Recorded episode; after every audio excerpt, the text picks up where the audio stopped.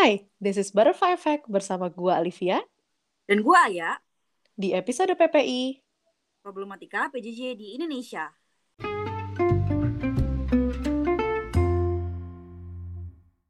Gak kerasa banget gak sih? Ternyata sekarang tuh kita udah ada di third quarter of 2021 gitu. Yang artinya kita tuh udah terjebak di situasi pandemi ini selama kurang lebih satu setengah tahun sejak awal pandemi di Indonesia.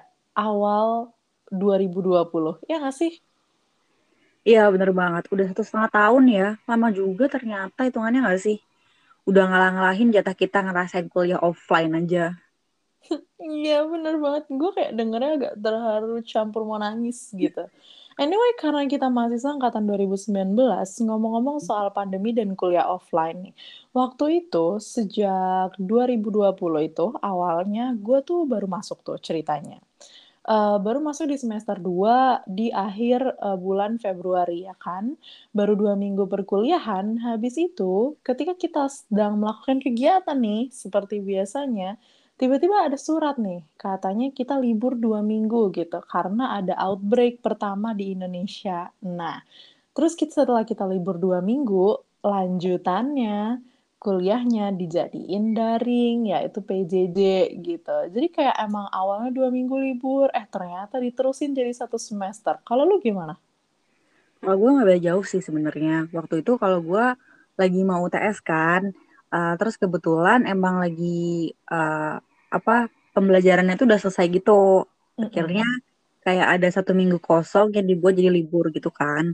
-mm. Uh, terus di akhir minggu nih di, di akhir liburan tiba-tiba ada berita soal uh, first case di Indonesia tentang si virus satu ini gitu ya tiba-tiba hmm. masuk ke Indonesia ya uh, terus akhirnya bingung nih apakah uh, UTS yang akan diadakan beberapa hari lagi bakal dilaksanakan secara uh, online atau seperti biasanya gitu kita datang ke kampus gitu kan berhubung mm -hmm. ada si virus ini mm -hmm. terus akhirnya gak lama kampus gue tuh ngeluarin SK gitu uh, isinya adalah uh, kegiatan akademik semuanya akan dilaksanakan secara online gitu. Oh berarti langsung ya nggak pakai libur-liburan Uh, uh, betul banget. Tapi ya begitulah uh, awalnya cuma satu minggu ya, akhirnya malah hmm. jadi satu tahun gitu ya bun.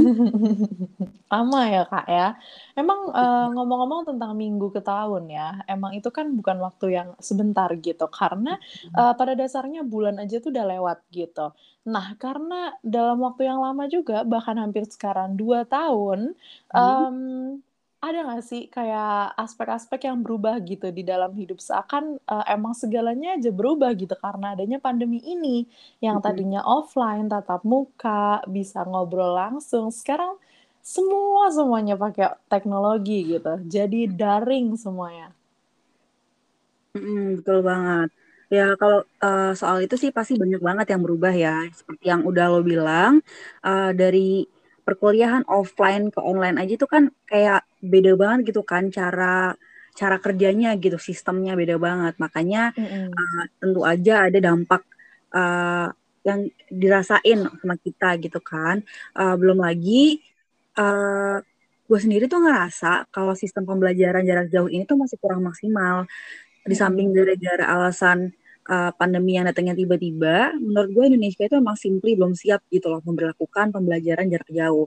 Sistemnya tuh masih kurang uh, ya kurang bagus gitu lah, kurang kurang cakep gitu ya. Mm-hmm. Terus uh, kecuali untuk beberapa institusi pendidikan yang emang udah punya program tersendiri gitu. Hmm. Nah makanya uh, dalam penerapan uh, pembelajaran jarak jauh ini di masa pandemi sekarang ini banyak banget uh, kendala yang akhirnya ngebawa dampak tersendiri baik bagi dosen maupun bagi mahasiswa. Gitu. Uh, tapi kalau menurut lu nih ya, berdasarkan pemaparan lu yang tadi gitu, mm-hmm. belum ada persiapan dan lain sebagainya gitu. Emang kalau lu sendiri ngerasain kendalanya apa aja? Uh, kalau yang gua rasain tuh ya, yang dari gua alam, yang dari yang gua amatin, mm-hmm. um, beberapa dosen itu banyak yang kayak istilahnya itu kayak kaget gitu loh, kaget dan bingung gitu. Mm-hmm. Kayak gimana bisa menyampaikan materi kepada mahasiswa dengan baik di tengah pandemi ini yang harus mengandalkan teknologi gitu. Mm-mm. Uh, karena kaget atau bingung itu, akhirnya kadang tuh ada beberapa dosen yang uh, entah justru malah nggak ngasih materi sama sekali, atau bahkan uh, bukannya mm-hmm. ngasih materi, malah ngasih tugas yang seabrek, uh, dibingung sendiri gitu kan. Gitu hmm, sih. Jadi kayak nggak kira-kira gitu ya? Uh, betul. Kalau sendiri ada pengalaman pribadi yang serupa gitu nggak? Um, kalau menurut gue sendiri, gue sama sih kayak dengan adanya ketidaksiapan ya, uh, mm-hmm. mahasiswa jadi sebenarnya bukan kerja double ya, tapi Um, agak lebih effort lah, karena kan, uh, kita memang udah familiar ya sama teknologi. Nah, ada pun dosen-dosen senior yang mungkin memang, uh, sudah terbiasa mengajar secara langsung gitu, jadinya emang belum familiar aja dengan adanya teknologi ini, gitu. Nah, uh, ketidakfamiliaran ini yang, uh, menyebabkan, uh, terhambatnya mungkin penyampaian, uh, materi gitu yang ingin disampaikan. Nah, kalau misalnya kita ketemu langsung, seharusnya materi tersebut kan bisa disampaikan secara maksimal. Nah, dengan adanya keterbatasan uh, dan batasan uh, daring juga, uh, mungkin walaupun ya udahlah dikasih kuota sama Kemdikbud gitu ya, mungkin di provide Zoom Premium juga sama universitas, tapi kan yang namanya manusia mau tetap aja um, adalah pasti uh, satu dua hal ada yang um, kurang maksimal gitu ya. Jadi dengan adanya daring sih gue ngerasa uh, bukan dari penyampaian dosen aja yang kurang maksimal, tapi dari uh, penyerapan materinya sendiri dari gitu. Jadi uh, mungkin kalau gue sendiri ya, gue adalah tipe orang yang visual gitu. Jadi gue harus uh, melihat uh, pemateri memberikan materi secara langsung. Nah kalau misalnya lewat dibatasi sama layar gitu ya, gue kayak emang kadang kurang maksimal. Walaupun kalau boleh jujur-jujuran ya, gue emang agak mengaku dosa gitu. Kayak jadi waktu offline ya emang adalah sedikit ngantuk-ngantuknya, ngobrol-ngobrolnya gitu kan. Tapi seenggak-enggaknya waktu diskusi dengan dosen itu terasa lebih banyak gitu. Lu ngerasain gak sih kalau sekarang mahasiswa itu kadang takut gitu untuk um, chat dosen karena um, bingung lah kalimatnya gimana, waktunya kapan supaya nggak mengganggu gitu kan. Uh, gue juga ngerasa sih soal yang itu kayak mm -hmm. uh, banyak banget mahasiswa yang kayak terlalu banyak mempertimbangkan ketika mau ngechat dosen karena mungkin takut nggak sopan atau takut mengganggu atau gimana gitu akhirnya Betul. jadi kayak maju mundur gitu mau ngechat dosen kan dan mm -hmm. pada akhirnya uh, karena terlalu ragu kadang tuh malah mahasiswa mengurungkan niatnya untuk ngechat dosen gitu mm -hmm. malah jadinya nggak jadi ya kan mau nanya hmm, yang tadinya betul uh, misalnya mau nanya uh, A gitu, aduh gue kayak nggak enak gitu, ini salah nggak ya kalau misalnya gue ngechat kayak gini, uh, dosennya lagi ngapain ya? gitu, sopan nggak ya? gitu. Nah akhirnya ya, lah besok aja deh gitu. Nah tapi kalau besok-besok pun di dalam perkuliahan waktu diskusinya juga terbatas gitu kan, uh, hmm. materi yang mau disampaikan juga banyak, uh, jadi ya waktu diskusinya terbatas aja gitu. Anyway, uh, ngomong-ngomong soal tadi kan udah nih ya dampak terhadap aspek perkuliahan kita gitu di dalam PJJ hmm. ini. Tapi lu ngerasa nggak sih di kehidupan sehari-hari nih ada nggak sih perubahan-perubahan yang lainnya gitu? Uh, apa ya? Ada sih. Mungkin kalau dari gua tuh lebih ke uh, hubungan atau komunikasi dengan orang lain, misalnya dengan teman-teman hmm. gitu kan. Kayak hmm. misalnya nih sebelum pandemi kan uh, mungkin kita masih sering ketemu sama orang terus ngobrol atau paling enggak uh, basa-basi itu sapa-sapaan gitu kan. Mm-hmm. Terus sejak adanya pandemi ini gara-gara kita um, harus lebih banyak di dalam rumah ya dan jarang ketemu sama orang lain. Mm-hmm. Uh, terus akhirnya kan kita cuma bisa mengandalkan teknologi gitu. Tapi gara-gara itu kita akhirnya uh, berkurang gitu frekuensi berkomunikasi dengan orang lain gitu kan yang tadinya hmm. mungkin sering uh, ngobrol bareng akhirnya jadi kayak jarang ngobrol gitu atau sering sapa-sapaan jadi nggak pernah sapa-sapaan sama sekali gitu mungkin misalnya hmm.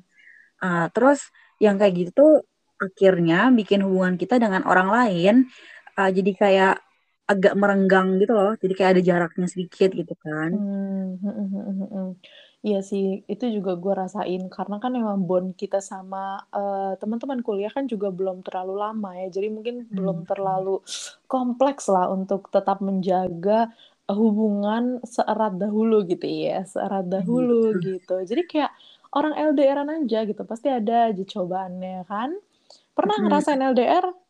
Eee, mungkin itu pengalaman Anda kali ya? Oh bukan, oh bukan bukan, jangan Kirain. dong. Anyway, emang, eee, gue juga ngerasain kayak gitu, gitu. Mungkin dari segi emosional juga, mmm, mungkin dari segi mahasiswanya ya, ada aja, eee, remaja-remaja gitu ya, atau, mmm, pre-adult gitu ceritanya ya, pre-adult yang kadang malam-malam tuh ngerasa gabut gitu ya. Terus, aduh feeling lonely banget, terus habis itu Mmm. nanti, ya tahap-tahap kayak, "Aduh kok gue ngerasa sendirian ya, kok gue ngerasa nggak ada yang support gue ya," gitu. Padahal, eee, they have, eee, someone gitu mungkin, cuma dengan adanya, eee, larangan atau himbauan untuk tidak boleh keluar rumah, juga orang-orang yang biasanya keluar rumah, jadi mungkin kayak uring-uringan gitu kali ya, mencoba menyesuaikan diri yang hampir emang 2 tahun ini gitu ya, kayak lama banget gitu ya, Kak. Jadi Mhm mhm. kayak mungkin ya kalau menurut gue gitu sih. Anyway, mmm lu ada nggak sih, kalau menurut gue sih ya, kalau menurut gue, gue sih berharapnya, eee, pandemi ini segera berakhir ya. Dengan kata lain, eee, Indonesia ini cepat pulih dari, eee, penyakit, eee, yang terlihat maupun yang tidak terlihat, Mhm. jadi kita bisa hidup normal lagi gitu. Meskipun, eee, ya kalau misalnya sudah hidup normal, tetap jaga jarak, tetap pakai masker gitu kan. Kalau lu ada nggak sih kayak yang pengen banget gitu dilakuin, kayak, "Oh my God, ini tuh desire gue banget," gitu, "gue tuh pengen banget ngelakuin ini," gitu? Mhm. Ada sih pasti, karena gue berharap banget bisa cepet-cepet, eee, balik kuliah offline gitu ya, kayak dulu sebelum Mhm. pandemi. Gue sih sama ya, mungkin berharapnya Indonesia bisa cepet pulih gitu, terus kita bisa kembali ke kehidupan yang sebelumnya, seperti waktu kita, eee, masih belum ada sih 1 virus ini gitu.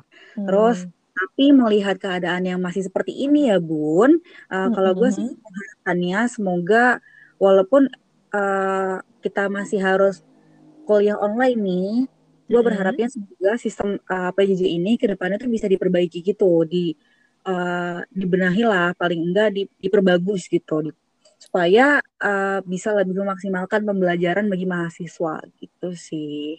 Iya sih, gue juga ya, mari kita aminkan bersama aja lah ya, semoga, Mhm. mmm, kita semua emang bisa kembali hidup seperti dahulu, walaupun mungkin tidak sama, ya kayak cerita cinta ya, Betul. dahulu tapi tak sama gitu. Oke, eee, gue juga sih, kita aminkan lah bersama-sama. So, that is Butterfly Effect Your Friends today, signing out. See you on the next episode of us. Bye-bye. Bye.